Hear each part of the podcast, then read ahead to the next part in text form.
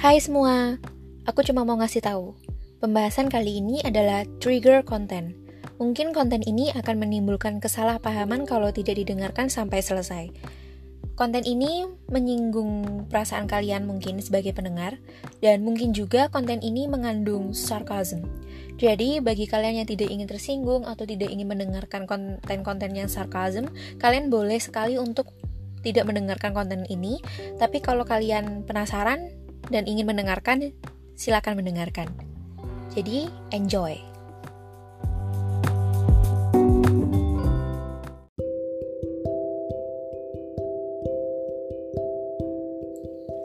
Hidup itu selalu berdampingan dengan masalah, entah itu masalah yang berat atau ringan sekalipun. Namun, setiap masalah itu selalu ada jalan keluarnya. Kuncinya yaitu menerima dulu masalah tersebut Ajak kenalan sama masalahnya. Kalau sudah, dekati. Lalu, bernegosiasi. Agar si masalah ini cepat selesai. Gak semua masalah itu berat kok kalau kita sendiri mau menerima dan belajar dari masalah itu. Berhubung aku lagi membahas masalah, aku mau ngasih tahu kalau masalah-masalah tersebut membantu kita mendewasakan diri. Kalau kita mau terbuka sama masalah ini dan belajar dari masalah ini, Aku yakin kamu bakal dapat banyak ilmu dari masalah ini. Oke, okay, ucapanku terdengar sok jadi positif. Hanya saja, ya ini yang aku rasain. Contoh lah, aku ambil dari masalah percintaan. Kalian yang cewek-cewek selalu bertanya-tanya kan, kenapa selalu gagal dalam PDKT? Istilahnya, belum mulai aja udah kata usai. Oke, okay, aku belajar banyak dari hal-hal yang berhubungan dengan belum mulai tapi sudah selesai. Alasan kenapa kita gagal dalam PDKT ya karena kita terlalu memberikan semuanya kepada si cowok. Terlalu menyayangi dia dan memberikan semuanya padahal belum ada status yang jelas. Jelaslah si cowok itu ilfil atau malah berpikiran Wah, ngapain ada status kalau belum ada hubungan aja udah ngasih ketulusan kayak gini. Jadi si cowok itu kayak ngerasa nggak ada effort untuk ngelanjutin hubungan ini gitu. Karena kita sendiri udah terlalu menggebu-gebu. Kalau dia pergi karena sikap kita yang seperti itu, sebenarnya bukan salah dia yang pergi. Ya karena salah kita sendiri. Ya mungkin salah dari si cowok itu dia pergi tanpa kata permisi kali ya. Aku kasih tahu ya, yang buat sakit hati bukan orang lain, tapi diri sendiri. Jadi, jangan membenci orang lain kalaupun dia menyakitimu, karena sejatinya rasa sakit itu akibat ekspektasi yang dibuat sama diri sendiri. Ekspektasi yang tinggi buat si cowok ini. Ini biasanya para cewek main play victim sih.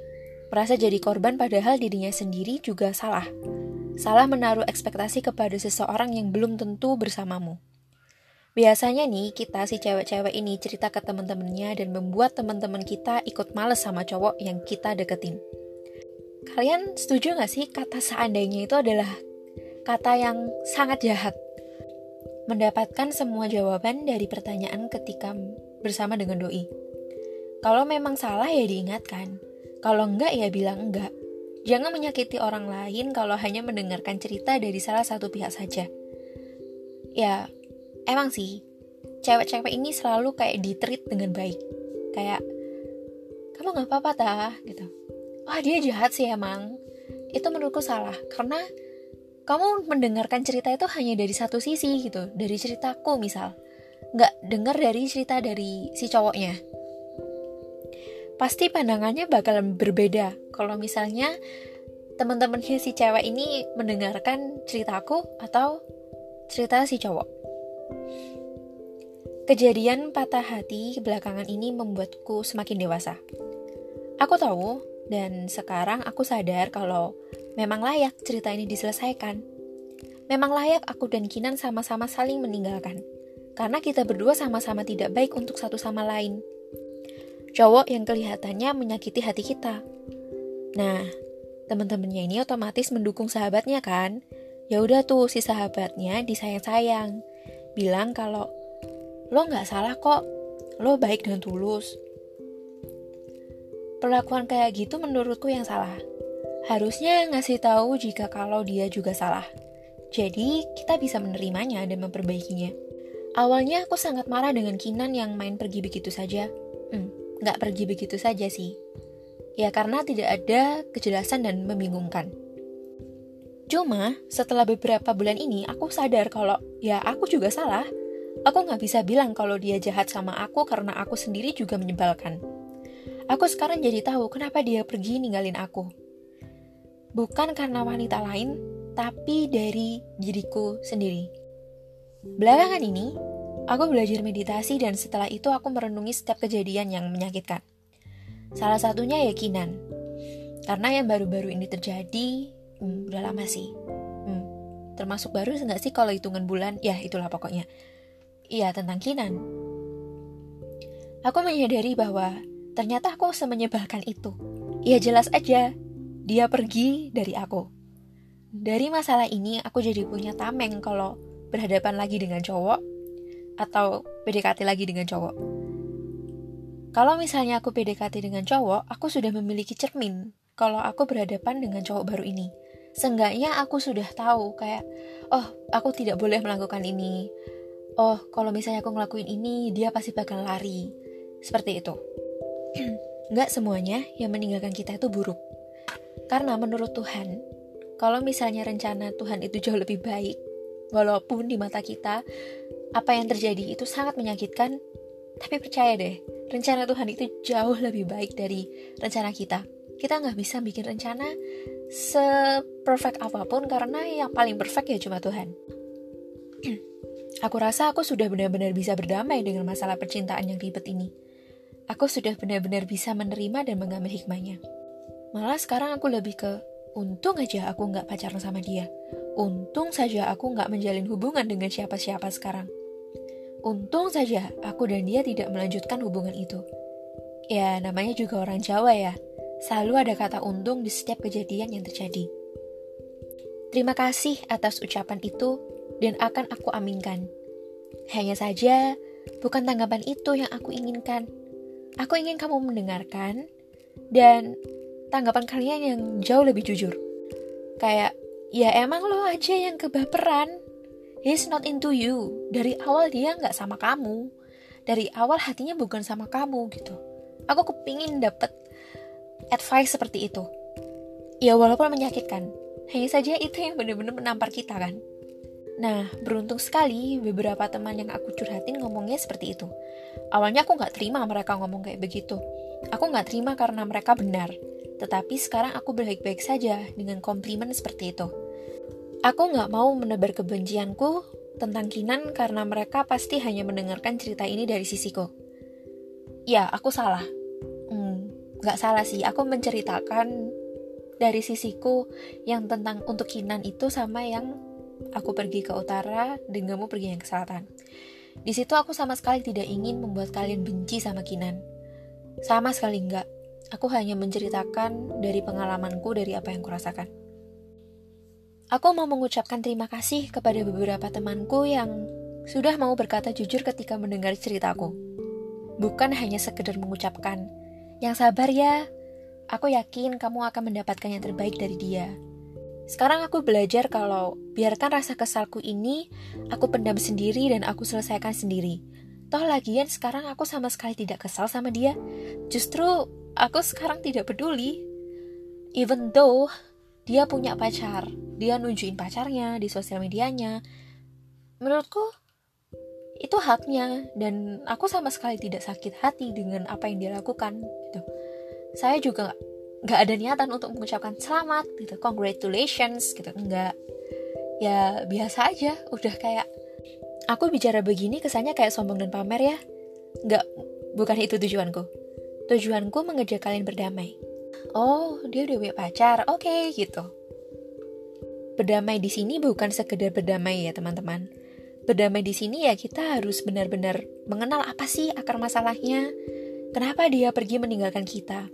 Kenapa dia memilih jadian sama orang lain bukan sama kita? Nah, ketika kamu bertanya-tanya seperti itu, Coba deh, bayangkan kamu menjadi dia. Bayangkan kamu menjadi crushmu yang sedang berhadapan dengan kita. Apa yang dia rasakan itulah jawabannya.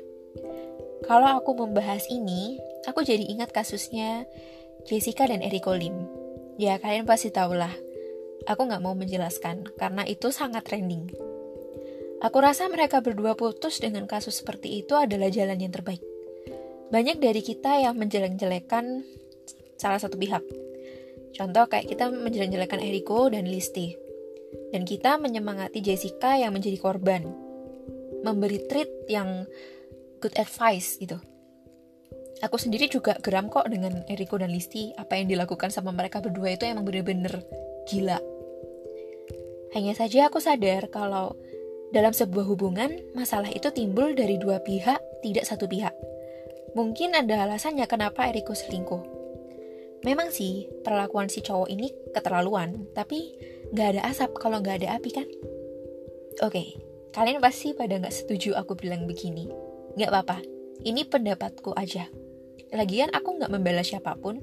Aku sendiri juga tidak membenarkan perlakuan si cowok ini. Ya siapa sih yang nggak sakit hati kalau diselingkuhin apalagi sampai kayak gitu. Sadar nggak sih dari kasus yang lagi hits dan kasus yang aku sebutkan sebelumnya ini kita banyak belajar.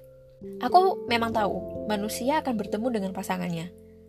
Hanya saja cara bertemunya ini ada berbagai macam. Yang pertama, ada tipe yang didekatkan tetapi saling meninggalkan. Masing-masing memberikan kenyamanan, bahkan perhatian. Namun semuanya hanya sebatas pernah dekat saja, tidak pernah ada kata kita. Ya, akhirnya mereka harus mengucapkan selamat tinggal. Yang kedua, dan yang terakhir, ada tipe pasangan yang sudah menjalin hubungan bertahun-tahun lamanya, bahkan sudah terikat, saling cinta, dan sudah memberikan segalanya. Namun mereka juga harus mengucapkan selamat tinggal. Kenapa begitu? Karena ego masing-masing dan rencana Tuhan. Percaya nggak percaya, akar dari sebuah masalah dalam hubungan ya ego sendiri. Balik lagi, akar dari masalah ya dari diri sendiri. Bukan menyalahkan orang lain. Dan kalaupun kalian yang sudah menikah atau sudah terikat, kalau misalnya dipisahkan, amit-amit deh cerai atau meninggal, ya itu emang sudah udah menjadi skenario dari Tuhan.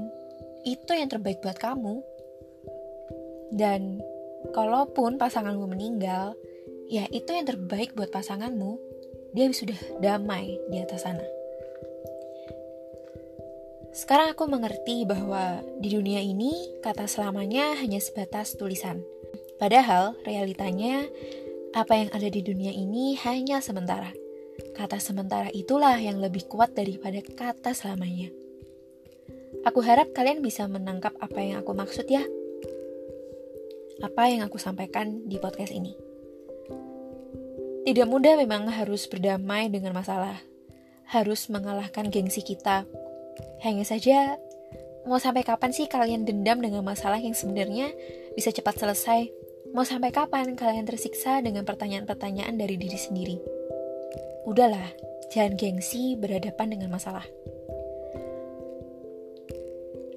Hal-hal yang aku sebutkan di atas atau hal-hal yang yang aku sebutkan tadi itu bukan cuma untuk hubungan percintaan aja, tapi hubungan dengan teman, dengan teman atau hubunganmu dengan pekerjaanmu.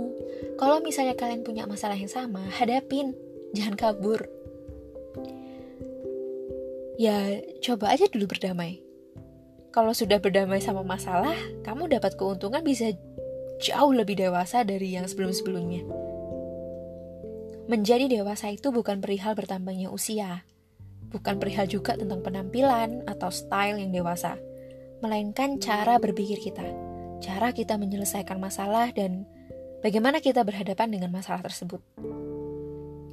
Usia tidak menjadi patokan kamu dewasa tetapi yang menjadi patokanmu adalah cara berpikirmu dan cara bersikapmu. Di sini, aku sama sekali tidak ingin menyinggung siapa pun atau menyalahkan siapa pun sekaligus tidak memihak siapa pun. Aku hanya ingin mengajak kalian untuk berpikir terbuka. Gak semuanya harus ditanggapi dengan perasaan. Logika juga harus digunakan. Kalau memang ada lagu yang cinta tidak ada logika, itu emang benar. Saat jatuh cinta, kita benar-benar buta akan segalanya. Aku nggak mau membuat teman-teman, apalagi yang cewek-cewek ya, aku nggak mau kalian rasa buta, merasa buta akan cinta. Please, kalau kalian jatuh cinta, tetap gunakan perasaanmu, tetapi juga mainkan rasionalisasimu. Mainkan logikamu. Karena cinta itu cinta itu lucu. Kalau kataku ya. Oke. Aku mohon maaf sekali lagi kalau misalnya konten ini benar-benar mengandung sarkas sarkasm. Jadi maaf ya kalau misalnya kalian tersinggung atau fansnya Jessica atau yang men, atau yang uh, mendukung Jessica dan apa yang aku sebutkan tadi itu sedikit menyinggung kalian. Terima kasih sudah memahami dan mendengarkan podcast Sina Senja kali ini.